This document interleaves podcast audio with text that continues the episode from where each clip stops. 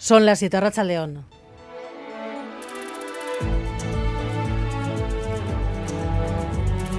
Gambara con Arancha García.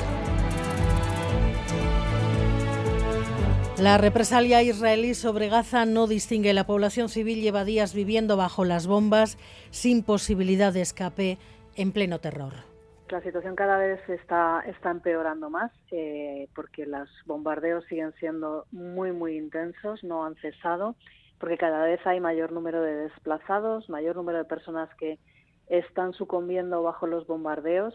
Los hospitales están haciendo un llamamiento porque no quedan prácticamente suministros médicos ni eh, reservas en, en, los bancos de sangre. Es la representante de la Agencia de la ONU para los Refugiados en Gaza. Se han bombardeado escuelas, hospitales, refugios y lo siguiente, Gaza ya es una ciudad, una zona completamente a oscuras. John Fernández Moore. Sí, Gaza se queda sin electricidad por el bloqueo. Primera noche a oscuras que iluminarán solo las explosiones provocadas por los bombardeos que no cesan. La falta de electricidad va a complicar además la situación de los hospitales de la franja que ya se encuentran al borde del colapso. Han muerto ya 1.100 personas en los bombardeos sobre la franja, son 1.200 en el lado israelí. Israel que prepara la invasión de Gaza mirando de reojo al norte, a la frontera con Líbano, con el temor de que se convierta en un nuevo frente. Desde hace días llegan las bombas de Y la última hora es que se ha producido una incursión aérea. Los ciudadanos tienen orden de no salir de los refugios hasta nuevo aviso. Sí, debido a esa infiltración de un número indeterminado de aparatos, posiblemente se trate de drones. Algunos además habrían caído en el norte del país. Por ello, Israel pide a sus ciudadanos del norte que se metan en sus refugios antiaéreos y no salgan. El ataque llega desde el Líbano. Recuerden que esta mañana las tropas israelíes y milicias del Hezbollah han intercambiado ataques y misiles en esta zona de la frontera. La ONU se ha mostrado muy preocupada porque el conflicto pueda extenderse.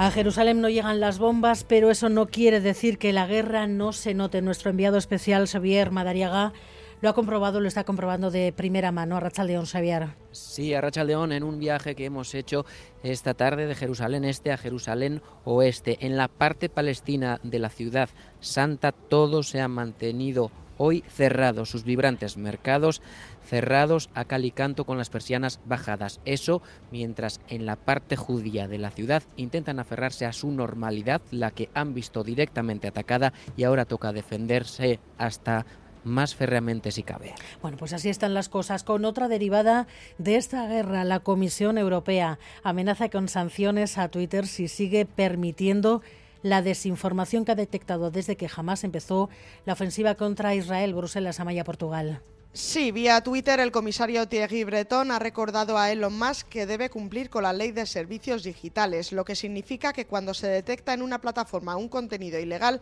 deben tomarse medidas inmediatas para retirarlo. Breton no concreta a qué contenido se refiere, pero asegura que circulan por la plataforma imágenes antiguas de otros conflictos o tomadas de videojuegos y que se están haciendo pasar por contenido actual de Israel o Gaza. El comisario le ha dado hasta esta medianoche al magnate sudafricano para responder y tomar medidas y en un movimiento nada casual se ha abierto una cuenta en Blue Sky, competencia de Twitter. Mark Zuckerberg de Meta también ha recibido hoy una carta de Bretón, aunque de tono más amable y extendiendo su preocupación también al contexto de varias elecciones europeas. El año que viene se mantendrá la deflactación en la declaración de la renta, un ajuste del 2,5 para compensar la inflación que se calcula va a suponer unos 100 millones más para los contribuyentes. Decisión de esta tarde del Consejo Vasco de Finanzas, Rodrigo Manero.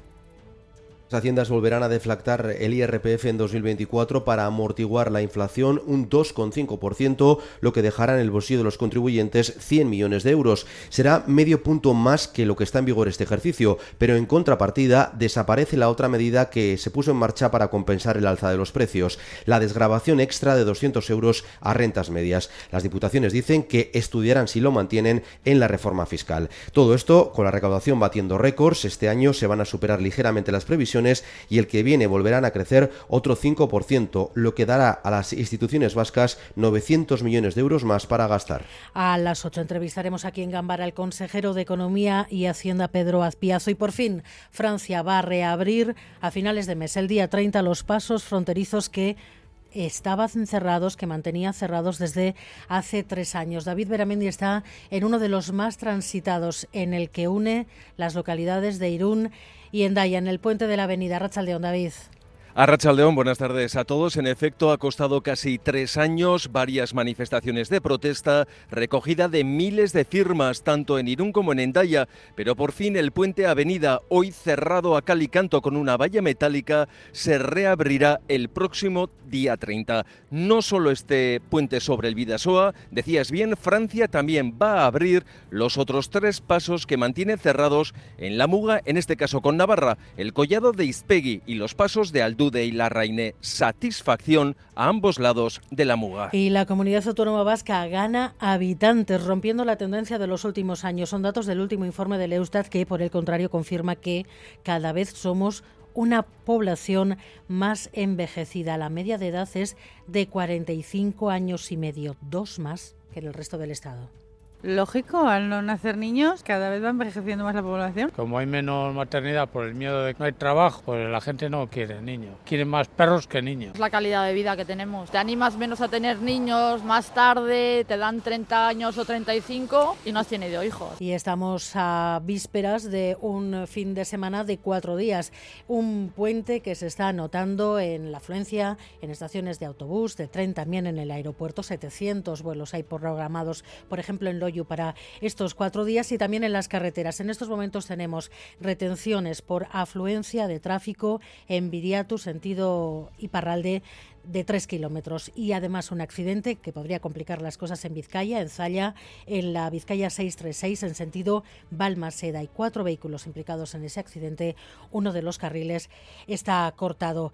Y los deportes, Edu García, Rachaldeón. ¿Qué tal, Rachaldeón? Pues es miércoles de competición este, este día 11 con la Copa de la Reina en juego en la segunda eliminatoria. De momento en la prórroga está el partido entre Osasuna y AM Lleida con empate 1 acabado los 90 minutos. A las 8 juega Alíbar en Ciudad Real contra el conjunto Velasolana. También es un miércoles de competición en la Copa de Rey de Balonmano, primera ronda.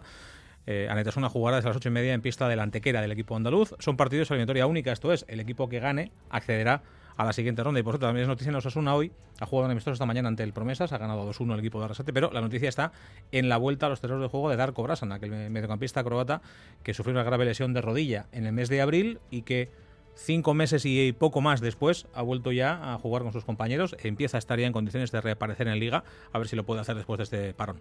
Bueno, pues una buena noticia para, Sin duda. para el Osasuna. Arancha Urreta Vizcaya, Pachi Zubizarreta y Joseba Larrache son los ganadores de los premios Euskadi de Literatura en las modalidades de literatura en euskera, infantil, juvenil e ilustración de obra literaria. La semana que viene se anunciarán los ganadores de las otras cuatro modalidades. Arancha Urreta Vizcaya, feliz por este reconocimiento?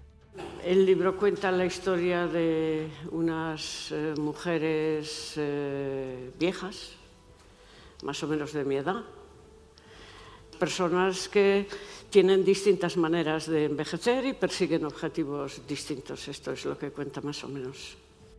Alberto Sobeldia y Miguel Ortiz están en la dirección técnica, Cristina Vázquez en la producción. Comenzamos.